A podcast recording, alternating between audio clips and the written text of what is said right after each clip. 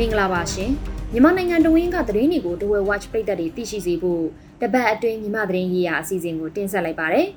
ဒီတပတ်မြန်မာရေးရာမှာတော့စက်တင်ဘာလ24ရက်ကနေ30ရက်နေ့အထိတပတ်တာအတွင်းဖြစ်ပျက်တွေထဲက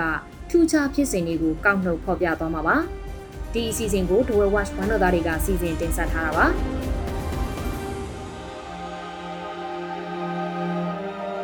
အာနာသိန်းကာလနှစ်နှစ်ကျော်အတွင်းဘာသာရေးအဆောက်အအုံတွေအပါအဝင် နေရအဆောက်အုံ8600ကျော်မိရှုဖျက်ဆီးခံလိုက်ရပါတယ်။လက်နက်ကင်ပြိပခနဲ့တိုက်ပွဲဖြစ်စဉ်တွေကြောင့်မြို့နယ်ပေါင်း130ကျော်မှာမိရှုခံရတာလို့မြမမဟာဗျူဟာနဲ့မူဝါဒလေ့လာရေး Institute ISP မြန်မာကစက်တင်ဘာလ29ရက်နေ့မှာထုတ်ပြန်ထားတာပါ။အဲ့ဒီထဲက64ရာခိုင်နှုန်းကျော်အဆောက်အုံအလုံးရေအားဖြင့်9500ကျော်ဟာ2022ခုနှစ်ထဲမှာပဲမိရှုဖျက်ဆီးခံရတာလို့ဖော်ပြပါတယ်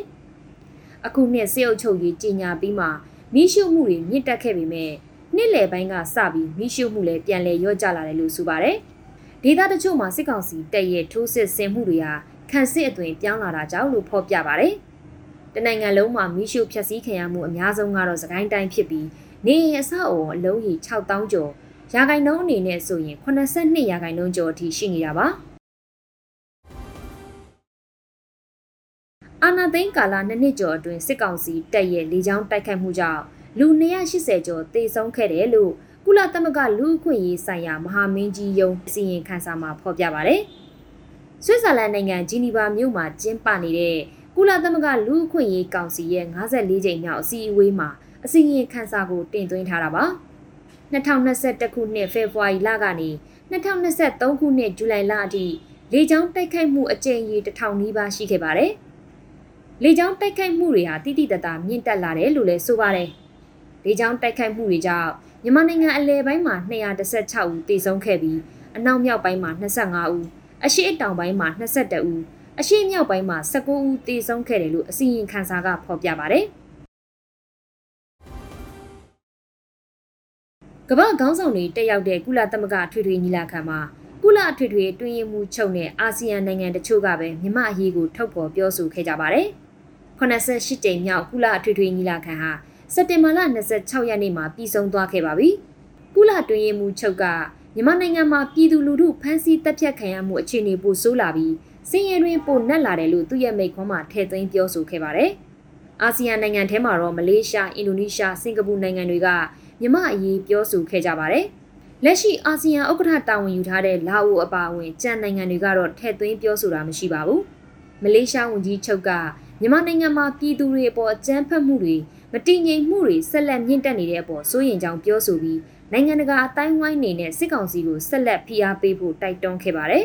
။အင်ဒိုနီးရှားနိုင်ငံသားရေးဝန်ကြီးကတော့မြန်မာစစ်ကောင်စီအနေနဲ့အာဆီယံဘုံသဘောတူညီချက်ကိုလိုက်နာအကောင့်ထဲပေါ်ဖို့ပြောဆိုခဲ့တာတွေ့ရပါတယ်။စင်ကာပူနိုင်ငံသားရေးဝန်ကြီးကလည်းမြန်မာနိုင်ငံမှာအာဏာသိမ်းပြီးနောက်အကြမ်းဖက်မှုတွေဖြစ်နေတာကြောင့်ငြိမ်းချမ်းရေးဖွံ့ဖြိုးတိုးတက်ရေးတွေဟာရိုက်ချိုးခံလိုက်ရတယ်လို့ဆိုပါတယ်။ အရှိတီမောသမ္မတကတော့စစ်ကောင်စီရဲ့လေကြောင်းတိုက်ခိုက်မှုကြောင့်အယက်သားပြည်သူထိခိုက်မှုကိုအလေးပေးပြောဆိုခဲ့ပြီးအာဏာသိမ်းကာလမှာအယက်သား3000တပ်ဖြတ်ခံရပြီးဖြစ်တယ်လို့ဆိုပါတယ်။ဒါအပြင်မြမအရေးပိုအာယုံစိုက်ဖို့လည်းတိုက်တွန်းခဲ့ပါတယ်။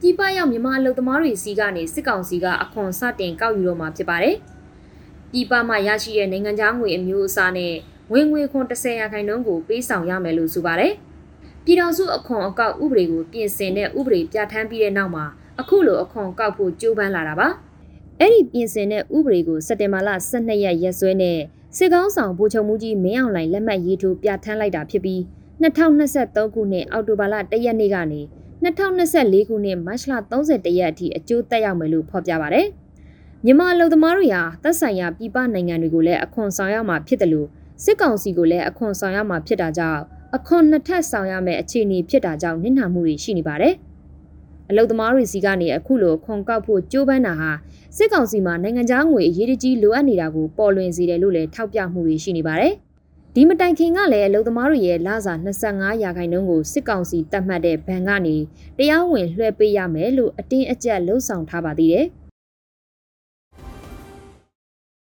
စစ်ကောင်စီတပ်ရဲ့လူအခွင့်ရေးချိုးဖောက်မှုတွေကိုနိုင်ငံတကာရာဇဝတ်ခုံရုံး ICC ကိုလွှဲပြောင်းဖို့ကုလသမဂ္ဂလူအခွင့်ရေးမဟာမင်းကြီး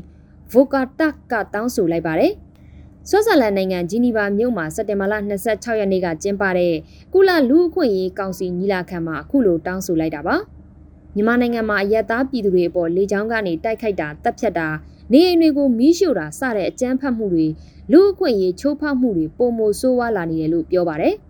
အာဏာသိမ်းမှုကြောင့်ရက်ဖက်တရားစီရင်ရေးလည်းမရှိတော့ဘူးလို့ဆိုပါတယ်။ကုလလုံခြုံရေးကောင်စီကတောင်းဆိုထားတဲ့အရက်သားပြည်သူတွေအပေါ်တိုက်ခိုက်မှုရပ်တန့်ဖို့လူသားချင်းစာနာတဲ့အကူအညီတွေပေးခွင့်ရဖို့ဆိုတဲ့အချက်တွေလှည့်ယူရှုခံနေရတယ်လို့မဟာမင်းကြီးကပြောပါတယ်။အာနာသိမ့်ပြီးနောက်လက်နက်ကင်ပြိပခတွေကြောင့်ကရင်မျိုးသားအစီယုံ KNU နယ်မြေမှာစစ်ဘေးရှောင်ဒုက္ခသည်6သိန်း3000ကျော်အထိရှိလာပြီဖြစ်ပါတယ်။ကရင်ငင်းချမ်းရေးထောက်ကူပြုကွန်ရက် KPSN ကစက်တင်ဘာလ26ရက်နေ့ကထုတ်ပြန်တဲ့အစီရင်ခံစာမှာဖော်ပြတာပါ။ KNU KNL နဲ့မဟာမိတ်တပ်တွေရဲ့တိုက်ခိုက်မှုကြောင့်စစ်ကောင်စီတပ်စစ်စခန်း60ကျော်ဆုံးရှုံးခဲ့တယ်လို့လည်းအစီရင်ခံစာမှာဖော်ပြပါတယ်။ဒါအပြင်စစ်ကောင်စီလက်အောက်ကစာတင်ကျောင်း380ကျော်ဟာ KNU ပညာရေးဌာနရဲ့စီမံအုပ်ချုပ်မှုအောက်ရောက်ရှိသွားပြီလို့လည်းဆိုပါတယ်။စစ်ကောင်စီကလေကြောင်းနဲ့လက်နက်ကြီးတိုက်ခိုက်မှုတွေဟာလည်းတိုးမြင့်လာတယ်လို့ဖော်ပြပါတယ်။အာနာသိန်းချိန်ကနေအခုနှစ်ဇူလိုင်လအထိ လေကြောင်းတိုက်ခိုက်မှုအကြိမ်ရေ400ကျော်ရှိရာမှာအရက်သား40ကျော်သေဆုံးပြီး140ကျော်ဒဏ်ရာရတယ်လို့ဖော်ပြပါတယ်။လက်နက်ကြီးပစ်ခတ်မှုအကြိမ်ရေ1100ကျော်ရှိပြီးတော့အရက်သား90နီးပါးသေဆုံးတဲ့အပြင်340ကျော်ဒဏ်ရာရခဲ့တယ်လို့ဆိုပါတယ်။မြန်မာအိန္ဒိယနယ်စပ်ကိုခြံစည်းရိုးခတ်မယ်လို့မဏိပူရပြည်နယ်ဝန်ကြီးချုပ်ကပြောပါတယ်။မြန်မာနိုင်ငံဘက်ကတရားမဝင်ကူးတန်းသွားလာနေတာ လက်နက်နဲ့မူရစ်ဆေးမှောင်ခိုမှုတွေများလာတာကြောင့်မိုင်40ကျော်ရှိတဲ့နယ်စပ်ကိုခြံစည်းရိုးခတ်ဖို့လိုလာတာလို့ဝန်ကြီးချုပ်ကဆိုပါတယ်။မဏိပူရဟာစကိုင်းတိုင်းတမူးမြို့နဲ့ထိစပ်နေတာပါဒီမတိုင်ခင်မြန်မာအိန္ဒိယနယ်စပ်မှာလွတ်လပ်စွာသွာလာခွင့်သဘောတူညီချက်ကိုပယ်ဖျက်ပေးဖို့လဲမဏိပူရပြည်နယ်အစိုးရကပြည်ထရေးဝန်ကြီးဌာနကိုတောင်းဆိုထားပါသေးတယ်ဒါဟာမြန်မာနိုင်ငံကထပ်မံထွက်ပြေးတိမ်းရှောင်လာကြမဲ့စစ်ဘေးရှောင်တွေကိုပိတ်ပင်ဖို့ကြိုးပမ်းနေတာဖြစ်နိုင်တယ်လို့ ဝေဖန်ချက်တွေလည်းရှိနေပါတယ်မြန်မာနိုင်ငံကလက်နက်ကင်ပြိပခါတွေကြောင့်မဏိပူရပြည်နယ်ထဲကိုထွက်ပြေးတိမ်းရှောင်လာသူ9000ကျော်ရှိနေပါတယ်။ပရိသတ်ပေါင်းတို့ကိုရောစိတ်ပါကျမ်းမာချမ်းသာကြပါစေကပီးမျိုးမျိုးကနေအမြန်ဆုံးလွတ်မြောက်ပါစေကြောင်းဒဝဲဝက်ဝိုင်းတော်သားများကစုမုံကောင်းတောင်းအပ်ပါတယ်နောက်တစ်ပတ်မှာလည်းမြမသတင်းကြီးရာအစီအစဉ်ကိုဆက်လက်စောင့်မျှော်ကြည့်ရှုနားဆင်ပေးကြပါအောင်ရှင်။